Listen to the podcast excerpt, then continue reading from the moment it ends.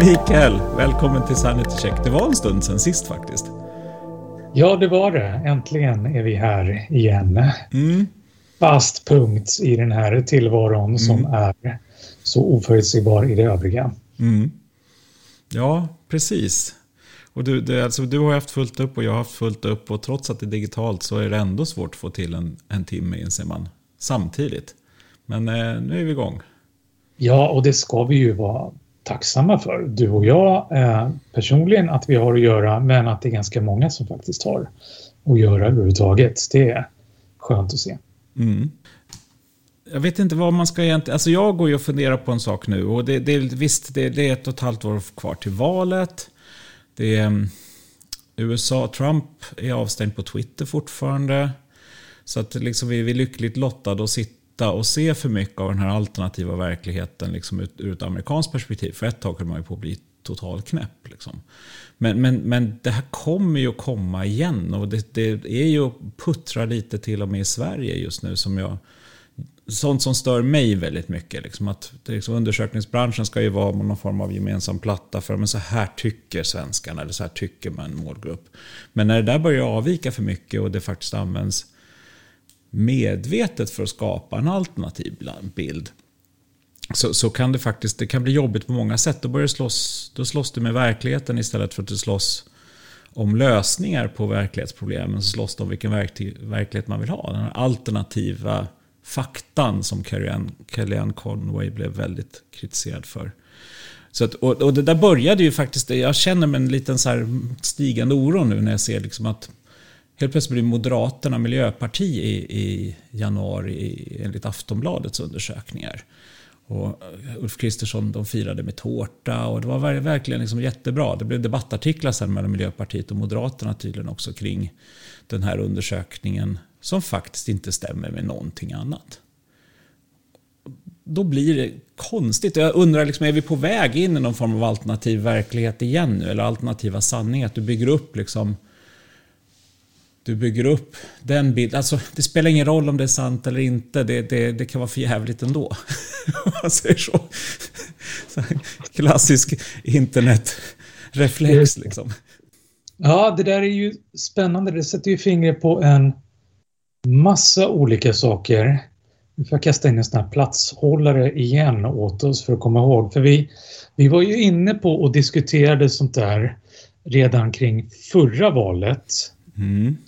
ju var så märkligt på så många olika sätt.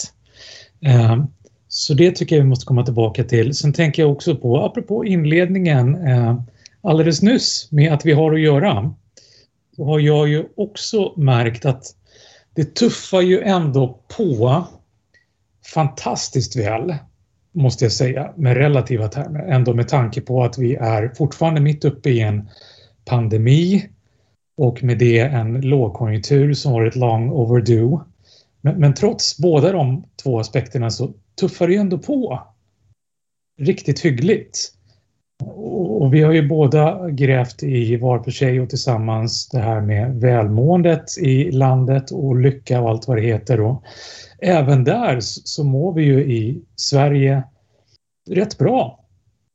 Och, och det är ju lite jobbigt tycker många. Både lite till, till hens sådär, att när det händer så här mycket, en pandemi och, och ekonomi som ställs på ända och allting, då kan väl saker inte bara tuffa på. Det blir liksom lite jobbigt och man vill inte ta till sig det. Då vill man hitta något som är galet och ställs på ända. Och, och samma nyhetsmässigt såklart också. Det blir inga nyheter av att äh, men det tuffar på ganska hyggligt i alla fall. Precis, förutom då kanske med Trump då, in Sweden nothing happened. Det var ju liksom, det var väl då, men det var väl då Trump som sa att det var för jävligt i Sverige. ja, men jag har liksom märkt att det, en del kan tycka det är jobbigt när, när jag säger sådana saker som att ja, men vi mår ändå ganska hyggligt och ekonomin går ändå ganska bra och relativt sett väldigt bra. Liksom det, Jo, jo, men ex, man vill inte det. Jo, jo, men så är det ju. Det, det, har jag ju märkt. Och det är väl liksom en, en, en del av det här också. När, när vi helt plötsligt visar att förtroendet för regeringen är högt och ministrars förtroende faktiskt ökar under en pandemi. Så väcker det upp en, en, en enormt stor ilska bland de som faktiskt önskar sig ett regeringsskifte. För då är, då, är, då, är, då är vi fake news, eller SVT fake news, bara för att men här håller ni på och bara stärker. Det är helt omöjligt att man ska kunna ha förtroende för dem. För de har ju minsann... För att du har en så selektiv bild av... Det är inte påhittade information, men du har en selektiv bild av faktat och du, du jämför... Du, det, I och med att vi alla dränks av så mycket fakta. Som, det mesta är väl tillförlitligt på något sätt, men, det, men du får inte hjälp med tolkningen. Så, så kan ju liksom x tusen döda vara jättemycket eller jättelite. Ehm, mm. Um, och, så att visst, det, och jag har ju verkligen sett där nästan helg på helg, för nu har SVT släppt också Novusundersökningar på helgen i, i liksom ett lite fördjupande perspektiv. Som är jättebra. Men sen får man helt plötsligt se till att liksom, okay, men nu gäller det att få ut allt faktamaterial in, eh, samtidigt. Förklara att, eh, att, att 60% av de som har svarat innebär att vi ändå har gjort tusen intervjuer. Det har man alltid vetat innan. Men nu väljer man liksom att vantolka. För då var det bara 600 som svarade. Nej men det... Oh, Okej, okay, ja, men då börjar vi. Nu får vi verkligen vara ännu tydligare i hur vi skriver så att man inte kan medvetet vantolka saker. Och då blir ju att ifrågasätta tillförlitlig fakta ett verktyg för att försöka skapa sin bild som stämmer med ens egna liksom, önskan eller målbild. Och det provocerar ju otroligt mycket eh, att faktiskt på så sätt det är rätt bra. Ja, precis. Och, och som vi också varit inne på många gånger tidigare och det är ju en av dina käpphästar att stora förändringar sker inte över en natt. Nu har vi pandemin som ett möjligt undantag men samtidigt så har vi just pratat om att men det blev inte så stort undantag. Till och med den enorma förändringen att vi är uppe i någonting vi inte upplevt på hundra år tidigare med eh, smittrisker och nedstängningar och allt vad det är. Det, det är väl det första på hundra år som verkligen hänt nästan över en natt. Men sen alltjämt effekterna blev ju inte riktigt så stora som vi tänkte. Och du brukar ju vara inne på det här med att förändra människors attityder, kunskaper, förändra företags eh, ställningar i människors huvuden och allt vad det är. Det är det är processer som tickar på. Säkert men ganska långsamt. Mm. Och i det finns ju en otålighet. Eh, både som aktör i det här, att vilja få till förändringar och även som en nyhetskonsument eller en människa på det stora hela som, som ju faktiskt vill se att saker och ting händer för att det blir för tråkigt att bara vara samma dag återigen som en Groundhog Day. Att man liksom tar fasta, precis som du säger, på de här små, små förändringarna som kan vara på marginalen men att man gärna då vill blåsa upp dem mm. med allt till buds stående medel. Liksom. Ja men precis, så lägger man då in det i en politisk kampanj då så, så kan man ju liksom det där är ju någonting man, man behöver ändra på. Det är ju liksom det jag håller på med det här eh, europeiska projektet också. Att kampanj, alltså ändamålen får inte helga medlen just nu. Du kan inte fortsätta att tala om att den politiska motståndaren är en förlängning av hin håle bara för att du ska vinna. För att du försätter dig i en sån position som gör att liksom demokratiska plattformen försvinner. Och det, men det där kommer ju, då är väl det också jag kanske börjar se redan nu tecknen, att man, man, man jobbar ganska systematiskt med att liksom underminera motståndaren oavsett medel, för att det var så man alltid har gjort. Men på grund av internet så blir liksom, då försvinner helt plötsligt det här med att, ja men hallå, det där var ju bara en debatt. Utan nu, nu, är det verkligen ta ära och heder av, av alla inblandade som inte säger det man själv vill. Eh, och du tar i så du spricker bara för att säkerställa att du faktiskt får din, din röst hörd. Ehm, men det där, blir ju, det där blir ju otroligt svårt. Det blir väldigt svårt att navigera och apropå, både liksom ur en ekonomisk tillväxt men en samhällstillväxt och att glömma bort att det faktiskt är människor som sen behöver umgås efteråt. Det försvinner ju helt. Och det är ju inget, det är inget nytt men det blir värre för varje år som går. Ja, det är en bra poäng. Eh, också någonting vi har varit inne på, det här med att faktiskt eh, fylla sina plattformar med nyheter, fylla sina plattformar med innehåll och konkurrensen mellan alla som gör det så behöver man ju skapa den här spänningen i att blåsa upp förändringar, det är det en reagerar på, och att blåsa upp konflikter och motsättningar. Som sagt, det finns ju en väldigt tydlig dramaturgi i det som gör att man får ta i lite extra för att bara bryta igenom utan att man kanske egentligen nödvändigtvis menar så väldigt mycket mer. Men det tas ju ur sin kontext. Mm. Jo, men precis. Och sen, jag kommer också att tänka på, apropå det här, det, det, var, en ganska, det var en ganska fjantig jordens undergång det här. Eh, och det var nog många som faktiskt satt och väntade på det. Eh, in, jag skulle jag kanske ha sagt något, men jag, jag, var inne på att skriva liksom ett blogginlägg i väntan på jordens undergång liksom kring den här, alla de här trenderna vi ser där man börjar, liksom börjar börja liksom försöka självförsörjningsgrad, alltså möjligheten att kunna vara självförsörjande blev allt viktigare. För det var så mycket mm. orosmoln runt omkring. Och sen kom då pandemin och det enda som hände var att toapappret kanske eventuellt tog slut. Ja, men det vet alla som har suttit utan toapapper att det är inte särskilt långt från att känna att världen håller på att gå under. Jo men exakt, och det, det, det var ju så alla tänkte också. Men det var också det enda som hände. Det, och just den här ironin med att helt plötsligt började alla läsa den här lilla pamfletten från MSB och säga oj visst fan, vi skulle ju klara oss i 72 timmar. Vad var det nu vi skulle göra? Och då tog ju liksom all, allt slut och MSB fick gå ut och säga ja men nu skulle ni inte göra det där. ni skulle gjort det för ett år sedan. Ja men Ja, ja.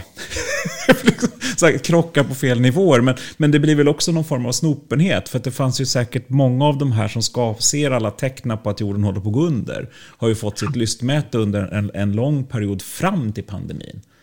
Och helt plötsligt gick inte ens liksom, Sveriges regim under. Liksom, utan oj, nej, men det var inte så sårbart vi trodde. Um, men, ja, USA är ju fortfarande, det är ju, det är ju liksom allt gånger hundra just nu. Liksom det, men nu såg jag att det var äntligen var det inte slut på toapapper. Alltså för, att, för amerikanerna har handlat extremt mycket toapapper fram. Nu har konsumtionen gått ner till någon form av historisk normalnivå. Men, men vapen är vi inte där på än har jag förstått. Så att det liksom, ammunitionen är konstant slut och allting. Så att det, det, är fortfarande så här att oj, oj, vilken dag som helst kanske jag behöver ha mina miljoner skott i källaren eller vad det kan vara man är ute efter. Ja, Ja, det där är ju makalöst och jag har ju grävt i det där tidigare. Det fantastiskt märkliga är att människor som tror att världens undergång är nära är lite lyckligare än genomsnittet. Men precis, och jag kom att tänka på det, för det tog du upp i din bok som, som ju alla, om ni inte redan har köpt den så köp den såklart. Ehm, ja, för den är otroligt både den är, en ljudbok går jättebra också, för då får man höra på din behagliga röst också, så vilket är perfekt. Men i alla fall, jag tänkte på det när jag, när jag, jag lyssnade på din bok.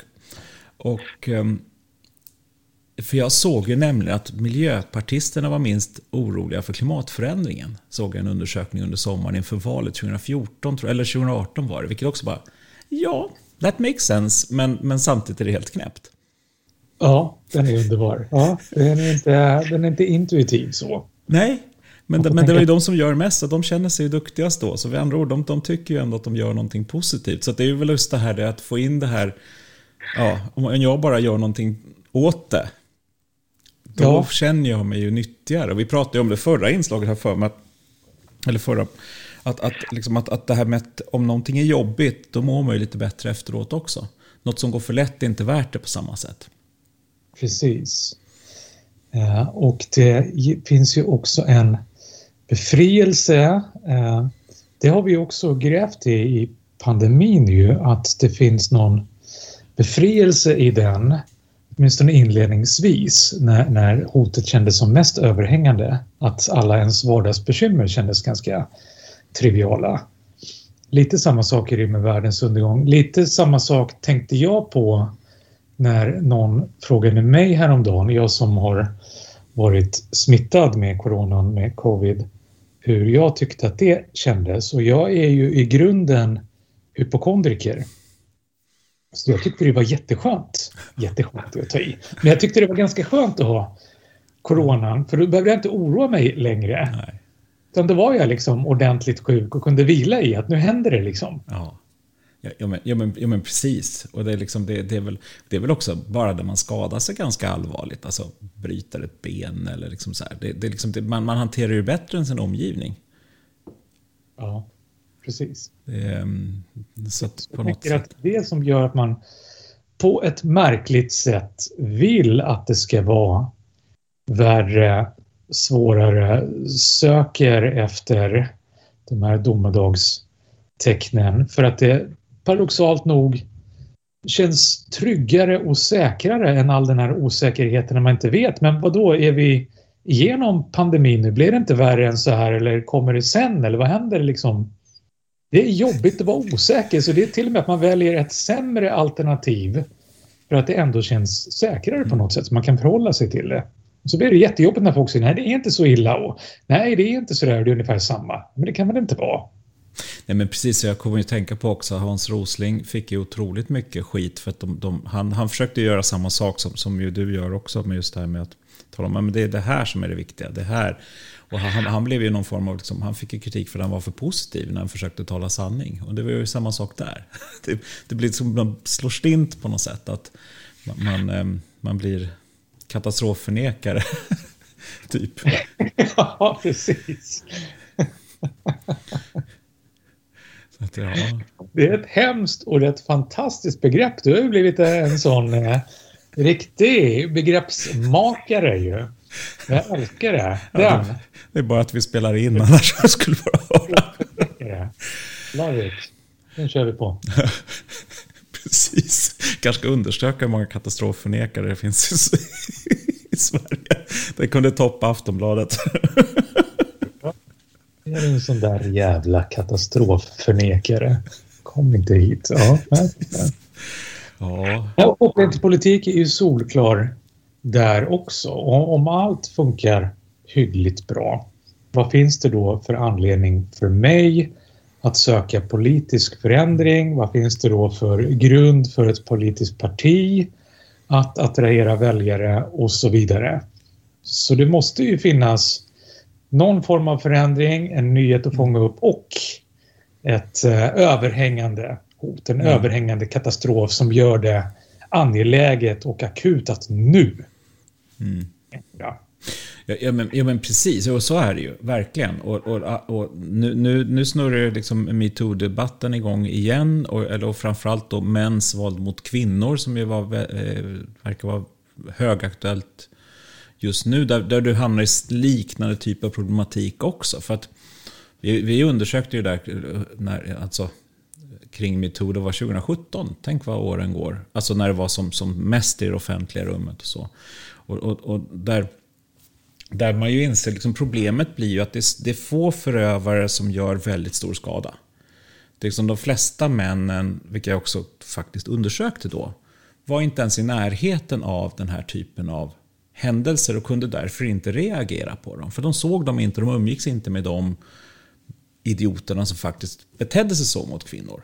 Eh, men, men samtidigt blir kritiken mot alla män istället för gruppen som beter sig fel. Och det där blir väldigt svårhanterligt. För, men apropå det, det här med, med liksom att man försöker skruva upp och förstora och man försöker liksom titta på polariseringen för det är då det blir en viktig fråga. Eh, men så går du sen till slut slint med att ja, men det bidde ändå ingenting för att de flesta känner sig inte ens varken, man, man har en personlig relation som inte stämmer med den offentliga bilden. Och då, då, då landar du heller inte i någonting som funkar. För då blir det så pass polariserat så det är antingen är man för alla män eller mot alla män. Typ. Um, så att det, det, kanske låter lite spårat här nu. Men, men, men just att det blir... Det, genom att driva en, en kampanj om att liksom mäns våld mot kvinnor är självklart jätteviktigt. Det måste ju, alltså det är självklart, inget våld ska försvinna. Så liksom män är överrepresenterade att ha våld i nära relationer. Men det betyder inte att alla männen gör det. Och då måste man börja nyansera och titta på de individuella, alltså den minoriteten som beter sig snarare än att titta på hela gruppen för att kunna få alla att stå bakom det. Nu, nu, tror jag liksom det börjar hända att folk känner sig lite träffade snarare. Att, men vadå, det var ju inte jag. Det är ju inte alla män. Och så blir det helt absurda diskussioner. Men politiskt är den liksom, blir den jättebra rubrikmässigt. Helsike vad svårt det där Ja, jag vet. Det... Jag kände att jag gräver en grop här nu för att det blir så jättesvårt att navigera i. ja, men jag, tycker det är jag tycker det är intressant det där. Det är, för uh, det är ju också en sägning, en sägning jag inte alls är förtjust i, inte alla män. Det är en hashtag, det är i stort sett ett skällsord också. Som ju liksom förknippas med att ducka problemet. Att hela tiden svara inte alla män. Det gäller inte mig. Ehm. Och jag vet inte exakt vad, vad slutsatsen blir av det. Det jag vet är att det är ju ett problem att det reflexmässigt alltid, och det här måste, måste jag brasklappa, alltid när jag har sett det, alltid i de trådar jag ser eller är inbegripen i. När det nämns, om vi nu hamnar just i, i metoo och eh, mäns beteenden, när det alltid nämns förr eller senare, oftare förr, inte alla män, det gäller inte mig, så är det ju ett problem. Då skapar man ju en polarisering som du säger och så går det direkt i någon sorts reflexmässig undanmanöver, som att man slår ifrån sig. Det är ju ett problem. Det är ju verkligen ett problem. Ja, men, ja, men precis, och samtidigt är det ju ganska naturligt för att om du inte är en förövare men ändå får stämpeln förövare så kommer din första reaktion att bli men herregud. Eh, så att då går du ju bort från problemet och sen känner dig snarare träffad. Så att egentligen bör man, borde man ju nyansera diskussionen mycket mer. Det är väl egentligen kanske det som är kärnan och där liksom den röda tråden i det här att medias generalisering, eller politikens generalisering, gör att vi skapar en ökad polarisering i alla frågor. För man försöker göra det så enkelt så att det blir svartvitt. Men ingenting är så svartvitt. Kring män, kvinnor, ja men då har vi oftast en relation till kvinnor och män var, var lite till mans och kvinns. Till hens kanske jag skulle säga. Ehm, men vad gäller religionen har vi inte det. Så då kan du kanske du kan, du kan, då kan du liksom välja att stanna på den sidan, för det spelar inte så jättemycket, men det kanske ska skapa en o, orimlig rädsla eller en orimlig or, oro som ligger och puttrar kring dig. Men, men det offentliga rummet, och det är väl kanske därför som man då blir liksom att man är en katastrofförnekare när man försöker tala sanning är ju för att man försöker nyansera de här frågorna. Man går emot den här allmänna svartvita alltså, eh, eh, bilden. Och, på, och, då blir man helt plötsligt någon som är, är en sån där jäkla katastrofförnekare istället. För att, för att det offentliga rummet drivs av starka polar, polariseringar. Eller det, den offentliga ekonomin, eller alltså då menar jag media och politiken, drivs av polarisering. Ja, det är en bra poäng att det blir 0-1. Antingen är det 0, inte alls, eller så är det en etta. Och håller man inte med om 1 så har man automatiskt, tycker folk, då, sagt att det är 0. Mm. Svårt att säga 0, ja, förlåt. Det, Nej, det är lugnt. Det är bara det härligt. Två jyckar. Mm. Uh, Nej, men det, det är svårt att i första steget säga det är 0,78. Mm. För det är inte lika tydligt som att säga att det är 1. Och det är svårt att då svara, nej det är inte 0,78, det är 0,54. Utan det är 1 eller så är det 0. Mm. Det är katastrof eller så är det inte katastrof. Mm att vi inte kunna vara i det enorma spann som är däremellan, vilket ju egentligen representerar allt i vår verklighet hela tiden. Ja men exakt, och sen blir väl just det här om man då går tillbaka till kanske då liksom att det är väl ingen som är för en brottslig handling. Alltså mäns våld mot kvinnor är olagligt. Precis som allt våld är olagligt. Men det betyder ju inte, och det är, det är, det är väl liksom, det, det är ju något fel på det om du inte är emot en brottslig handling. Men att differentiera med liksom skillnaden mellan då en grupp som är överrepresenterad kring en viss handling. Alltså att det finns en överrepresentation, men det är definitivt inte majoriteten. Och gruppen som sådant. Det är väl den nyanseringen som blir då, där det slår slint då. Och då hamnar man i det här, men herregud, ja, men du, du jämför mig med en våldtäktsman. Nej, jag slutar lyssna. För jag är definitivt inte det. Men jag är... Alltså, så att jag, på något sätt, det är väl där det blir fel och då blir det automatiskt infekterat. Precis, och det är ju det som är grejen, att vi pratar ju sannolikheter, vi pratar risker, vi pratar överrepresentationer och så vidare. Och det är det som är så svårt då att prata. Det är svårt att ta till sig att x antal procent gör så här i större utsträckning, eller vad det nu är för någonting, då blir det att de här de här är sådana jämfört med de här som inte är det. Så då är det svårt i det första ledet att få uppmärksamhet till det, kommunicera kring det. Och i andra ledet som blir reaktion på det där då, där man försöker säga ja men det var ju inte alla utan det var x antal procent, så är det också svårt att få. Då blir det lätt att det går åt andra hållet, att nej det är inte alls så, punkt. Det är ingen alls. Nej, men precis, och lägger man då till den här ikonifieringen som du poddade om i din Amazon Curious-avsnitt, som jag kommer ihåg, eh, tänkte på liksom det här med att, liksom, Greta och liksom att, här, liksom att man, man vill alltid sätta upp någon på en piedestal. Eh, och som också är som bara personlig, upp, alltså med, med sin uppenbarelse faktiskt betyder någonting. Och det här sker ju hela tiden. Det sker ju också det att, att du kan inte, alltså det är bara minoritetsgrupper som kan tala om sin egen situation. Ingen annan kan förstå den. Så att är du inte minoritet då kan du heller inte försvara deras intressen.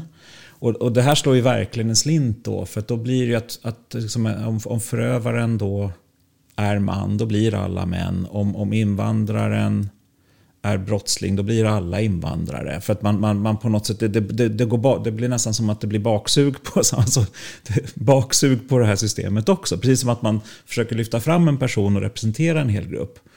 Om det kommer en annan person som representerar samma då kommer, ju, då kommer ju de likställas vid att liksom, ja, alla muslimer blir terrorister, eller alla, alla män blir våldtäktsmän, eller alla kvinnor blir sexuella offer, eller vad det nu kan vara. Liksom. Så att man, man gör sig själv en otjänst i det offentliga rummet och kopplar ihop identitet med handling så pass mycket som man faktiskt gör. Det är intressant. Nu får jag lite feeling. Du, du eh, skapar ett så nytt bra begrepp här så jag vill inte vara, jag vill inte vara sämre jag. Eh, man brukar ju prata om eh, när, när man mäter saker att många har en extrem aversion, att man helst undviker ändpunkterna på en skala. För att, en som, att dra det för långt. Är du glad idag? Tycker du om det här? Ja, en tia är ändå att ta i. Jag kanske kan ta en nio eller en åtta. Jag vill inte ta det riktigt så långt. Och inte en etta heller. Det kallas för extrem aversion. Men jag tänker i det du pratar om nu så finns det ju något som man kanske kallar för någon mellanrumsaversion. Nästan. Att det är lite jobbigt att vara emellan. Men hur är det nu? Är det katastrof eller inte? Är det lågkonjunktur nu för fasen? Går världen under? Eller inte? Och samma som du är inne på där, tillhör du en grupp eller inte? Och är du någonstans mitt emellan så här, men kan du verkligen, nej det vill jag inte höra från, då kan inte du ta ställning riktigt för det. Ja men, ja, men precis, jag kom på det. Jag, jag, jag råkade dras in en sån här skum Twitter diskussion för, för många år sedan och då var det så här, är du inte emot rasism så var du för. Där jag då försökte förklara på riktigt, men de flesta är, en normal människa är faktiskt mot rasism. Alltså det, det är avvikelsen att vara för rasism i dagens samhälle. Men det betyder inte att du kanske är ute och slåss mot rasismen. Utan din normala tillvaro är att du inte är rasist, punkt slut. Ehm, men det där gick ju liksom inte hem någonstans. För att var man då inte mot rasism så var man för. Ehm, så att, och, och med andra ord, alla förväntas gå ut på gatorna och verkligen slåss, slåss mot rasismen. Det blev på något sätt att du, skulle vara en, alltså du måste vara en aktivist mot en avart. Men, det, men det, då blir det nästan fel, för då blir du ju en aktivist istället för att understödja det normala beteendet att man inte bryr sig om hudfärg och tror att liksom någon är bättre eller sämre beroende på vilken hudfärg man har.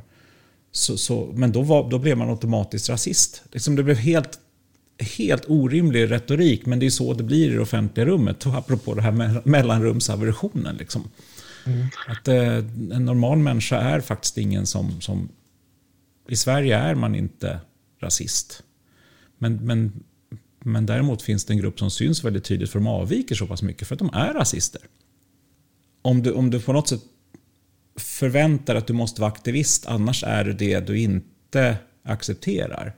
Om du inte tar ett aktivt avstånd så kommer du att vara, genom din passivitet kommer du att vara det. Då, då har du helt gått fel i din, ditt sätt att liksom försöka förstå hur samhället funkar. Livet går inte ut på en demonstration, man säger så. Nej, precis. Och det, Det är ju det som är risken med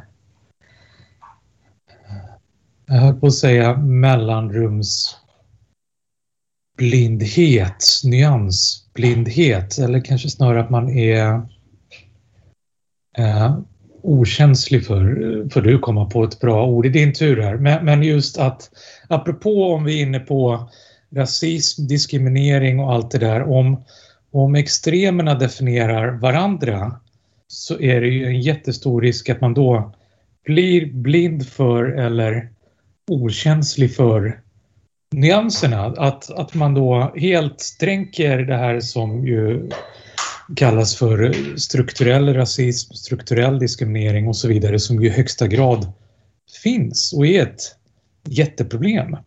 Och liksom på det stora hela ett mycket större problem än klickarna med tokrasister och våldtäktsmän och så vidare som är fruktansvärda och hemska men som du säger, tack och lov, är i, väldigt tydlig minoritet. Men det här på marginalen som går igen så mycket, om, om vi inte ser det för att vi tänker att det finns inte, det finns på extremerna, så kan vi hantera det som sammanlagt blir ett väldigt mycket större problem. Ja, ja, men, ja, men precis, och jag har faktiskt försökt förklara det här några gånger om man tittar på liksom medias... Medias sätt att försöka beskriva samhället går oftast ut om man försöker sätta det i någon form av man försöker få en balanserad och nyanserad rapportering genom att då, om, om, om du ska rapportera om vänster måste du också rapportera om höger. Om du ska rapportera om gall så måste du rapportera om tann. Alltså det, just ur politiskt perspektiv blir det så. Och då, då, då, då, för att vara säker på att det inte går fel så väljer du, går du långt ut till höger och långt ut till vänster. Um, men man förstår inte att det här handlar om en normalfördelningskurva, vilket gör att liksom för, för, för 90% av alla svenskar, eller kanske 95% av alla svenskar, så ser man bara extremism. Så du ser inte att det är vänster och höger, utan du ser extremism på höger och extremism på vänster sida som inte appellerar till någon, alltså till majoriteten av nästan alla svenskar. Så att du, du skapar ett extremare offentligt bild genom att gå så långt ut för att inte råka skapa fel. Men det blir inte balans på en gungbräda egentligen, utan du, du är bara ute i periferin och vevar. Strunt samma om det är höger eller vänster eller liksom män och kvinnor eller vad det kan vara. Men den här extremismjakten skapar en alienering på nästan alla eh, i din jakt på att visa på tydliga skillnader. Just det, det är lite som eh, folk undrar varför ska man dra ner och upp eh, vad heter det, shutters, de här mm. grejerna på fönstren på flygplan. Jag kommer inte ens ihåg vad det heter, var så länge sedan jag flög. Gardinen, kanske. Ja. Varför ska man göra det vid start och landning? Jo, det är för att kontrasten, ifall du skulle behöva snabbt ut ur flygplanet, så får du inte eh, bli blind för kontrasten för att det var så ljust inne men mörkt ute eller vice versa. Okej. Okay. Så är risken samma sak här.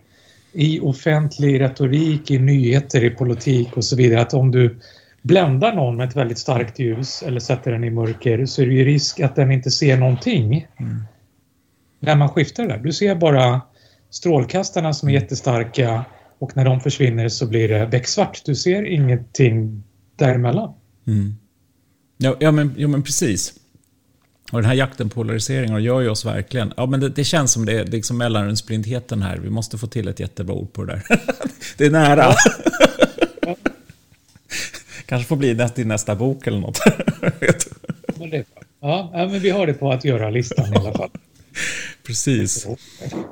Men, men, men, det blir, men det blir ju någonting i det här. Liksom, egentligen kan ju, alltså om man nu skulle verkligen jobba med det, och det var faktiskt, alltså jag kan tänka mig att en stor del av din vardag faktiskt går ut på att nästan visa på styrkan i mellanrummet eller liksom det här nyanseringen. Och, liksom, och tillbaks till då Hans Rosling som man saknar väldigt mycket nu under pandemin. Hans jobb var ju också faktiskt att jobba med Nyheten blev nästan att det inte var svartvitt. Vilket var ganska fascinerande. Liksom han, han blev känd för att han talade om att det inte var svartvitt. Precis, ja. Nyhetens behag var att det inte var... Vilket blev helt knäppt. För samtidigt, men samtidigt gick det också tillbaks till ikonifieringen även där. Eh, att, att det blev en spännande person snarare än kanske ett, ett, ett viktigt budskap till slut. Så att det blir svårt att hålla, det blir svårt att hålla isär ändå. Du går nästan i samma fälla till slut ändå när det väl går tillräckligt lång tid. Så att det handlar om personen snarare än informationen. Men, men, men apropå, jag måste bara, jag tänkte på en sak här. Kring den här lågkonjunkturen som vi har nu. Att eh, Sverige är väl sannolikt kommer väl komma ur alltså hyfsat väl på grund av att vi ändå liksom kunnat hålla sysselsättningen igång. Och det liksom, vi har, har ganska Industrin var inte så stor i Sverige, vilket gör att vi liksom inte kanske fick den där typen av massarbetslöshet i, i, i stora ekonomiska motorer. Men, men, men, samtidigt pratar man ju om typ i USA att det är liksom en, en, en K-shaped um, Eh, lågkonjunktur. Liksom att det, det, det är låg, alltså medel och höginkomsttagare har fortfarande klarat sig väldigt bra. Medan, medan låginkomsttagare har totalt trillat utanför. Eh, och den typen av låginkomst har ju inte vi. Vi har ju inte de här typen av inkomstklyftor i, i Sverige. Även om man i politiska skäl ibland vill låtsas det. Men, men just att och det där, men det där gör det väl liksom lite fascinerande. Alltså det, det, blir svårhanterligt på ett sätt. För att helt plötsligt har vi en grupp, en väldigt stor grupp, som ändå har väldigt mycket pengar. Eh, och en annan stor grupp, men alltså som, som kanske vid normal lågkonjunktur faktiskt hade, hade drabbats hårdare. Än vad man har gjort nu under pandemin, eller? Ja, och där har ju lite att göra med, det är inte en konjunktureffekt i sig självt utan det är ju väldigt mycket en pandemieffekt mm. och det olyckliga att de med lägre inkomster också i större utsträckning jobbade i funktioner, sektorer som drabbats hårdare pandemiskt. Mm. Mm, just det. Den har ju till stor del, som sagt, vi var ju, vi skulle ju komma in i en lågkonjunktur och, och du har ju pratat om det för mm. länge sedan. När kommer den? När kommer den? Exakt. Innan det var någon pandemi på kartan och det accelererades ju av pandemin. Mm. Så, liksom, det ekonomiska skeendet är ju mycket ett utslag av pandemin och den har ju varit ganska tydligt slående mot, som vi vet, tjänstesektor, eh, arbetskraftsintensiv verksamhet och verksamhet som ju inte varit, alltså för att använda amerikanska termer, mm. uh, blue collar more than white collar. Mm. Därför att du kan inte gå till arbetsplats, du kan inte gå till servicenäring och så vidare, men du kan sitta hemma och jobba med ditt kontorsjobb som mm. ju också brukar vara mer välbetalt. Så det är en paradox. Just det, men, men och det slog mig just nu att, det, apropå att fortsätta och provocera lite, det ökar ju faktiskt förutsättningen för att återhämtningen ska bli snabbare. Utan nu fick vi äntligen en ursäkt för en lågkonjunktur, apropå att den sitter i huvudet som vi pratade om för ganska många avsnitt sedan. Ehm, men då, då kan vi ju komma ur den mycket fortare. Ja, det ska vi ju förhoppningsvis göra och det ska ju ska, det är ju en väsentlig del av förklaringen till det som debatteras ganska flitigt. Ska det ha tryckts så mycket pengar och östs mm. ur skattkistorna under den här pandemin nu? Eh, ska vi betala det dyrt sen? Ja, men det är ju liksom under förutsättningen och förväntan på att hjulen ska kunna börja rulla ganska snabbt igen. Mm. Så råd att göra det nu. Precis, sen kan man ju undra då, jag har också eh, ganska skeptisk till det här penga, pengatryckeriet på så sätt. Man borde ju, men det är kanske ett annat avsnitt också att börja diskutera liksom hur man kanske borde se på ekonomin i en... Eh, det kan vi prata om. Ja, det kan exakt. En hel serie. Ja, eller hur? Precis, men vi har ju snackat om det du och jag off camera eller mikrofon. Så att vi kanske får lyfta det i något senare avsnitt. Ja, men jag vill verkligen slänga in när vi pratar om det också. Jag tycker det är en extremt viktig fördelningspolitisk fråga att det är vissa grupper, eh, vissa eh, kohorter som drabbats mycket mera. Ekonomin som helhet har gått ganska bra, men mm. vissa har drabbats hårt och det är väldigt viktigt. Det, det har vi en nöt att knäcka där vi alla måste hjälpa till fördelningspolitiskt. Mm. Precis, men det farliga med det, för att gå tillbaka till det här ett och nollan eller liksom mellanrumsblindheten också, är att antingen ska alla drabbas eller ska ingen drabbas, annars så finns det liksom ingen, inget... Alltså att du, du, den här åtgärderna du gör kommer då vara fokuserad på majoriteten istället för att kanske vara, vara pinpointad på de som faktiskt drabbats.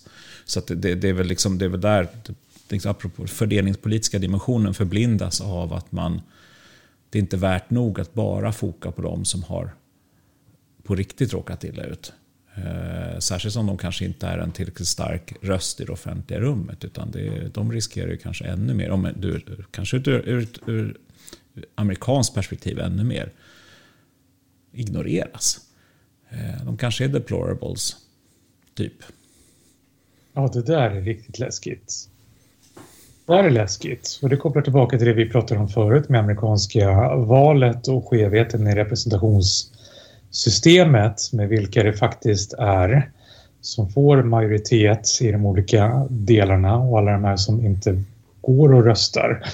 Marginaliserade grupper som kan vara jättestora. Det är ett konstigt uttryck, marginaliserade grupper överhuvudtaget, men det är det som blir paradoxen mm.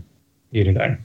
Jo men precis, och, och, och, och, även ur ett svenskt perspektiv så tror jag att det här kommer bli ta ganska mycket skruv nu igen när valrörelsen kommer igång. Liksom landsbygd mot storstad. Det, det kommer liksom vara, tror jag, tyvärr en väldigt stark drivkraft också. Visa på polariseringarna, visa på utanförskapet i, i, i glesbygden, men inte ur en positiv utveckling. Utan snarare, alltså inte en möjlighet till en positiv framtid, utan snarare bara att tvärnita en negativ utveckling och, och hitta den skyldiga snarare än att försöka lösa och ena. Men eh, det är ett halvår kvar för, för strategen att hitta på. Lön att göra bara samma sak man gjort hela tiden eller ändra på allt. Ja, precis. Mm. Mm. Men det känns som att vi skulle behöva avsluta på någonting lite positivare. och kanske förtydliga att jag jag ska inte lägga orden i munnen på dig, men jag vill förtydliga att jag tycker metoo har varit en jätteviktig rörelse. Ehm, jag tycker Black Lives Matter har varit en jätteviktig rörelse och jag stöttar dem till 100 procent och sen finns det collateral damage i båda riktningar.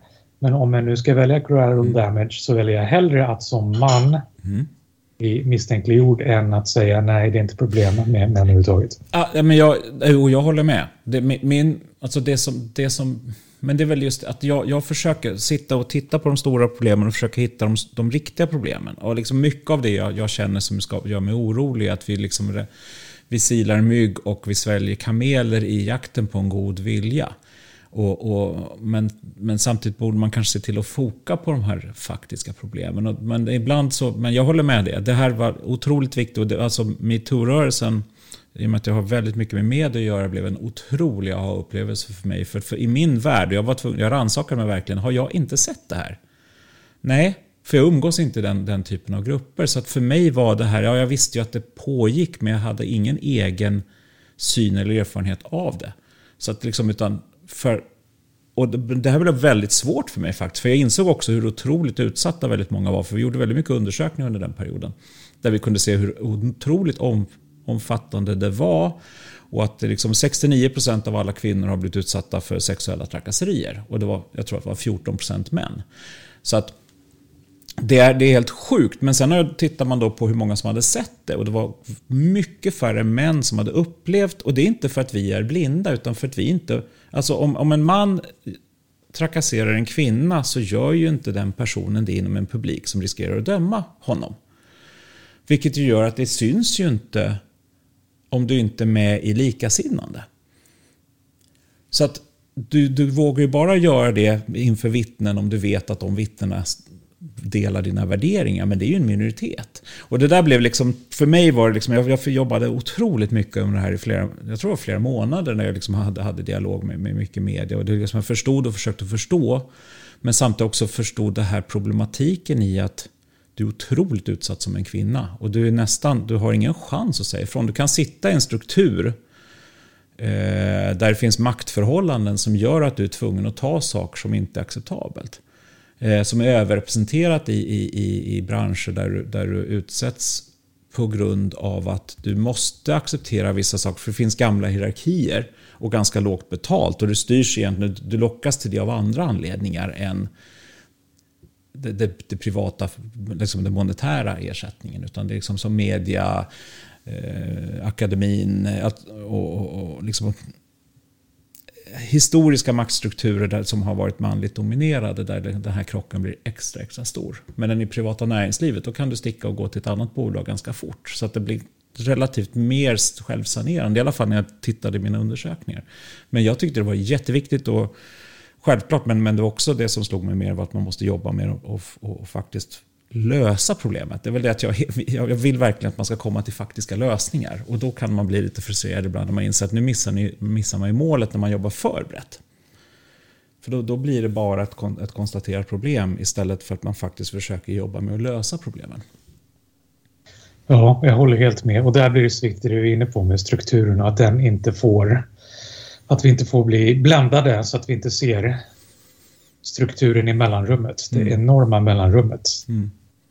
Där allt händer. Ja men, ja, men precis, precis. Och då det gäller att förflytta det också åt rätt håll.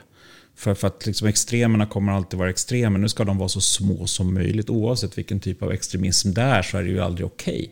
Okay. Eh, det mm. nästan, faller nästan på, på automatik egentligen att extremism inte är okej. Okay. Men, men, men, att det gäller ju att foka på att isolera den. Om det, och särskilt om det är brottsliga handlingar så ska det ju självklart eh, hanteras så kraftfullt det bara kan. Men, men eh, storsläggan kanske inte funkar om man ska, ska jaga myggen. Det är väl liksom där jag känner att på något sätt jag, jag skulle vilja hjälpa till att bidra mer, att faktiskt kunna hjälpa till att man blir lite mer träffsäker. Eh, för, att det, det, är liksom, för då kommer vi till en positiv faktisk utveckling, inte bara allt är skit. Men då blir man katastrofförnekaren istället kanske. Just det. Och därför drar vi en lans för, drar en lans mot mellanrumsaversionen. Exakt. Vara i och hantera mellanrummet. Ja. Ja. Precis. Ja. Ja, men det kanske blir, får bli slutorden då. Vad säger du? Vi kommer ur här. Vi bryter istället, precis.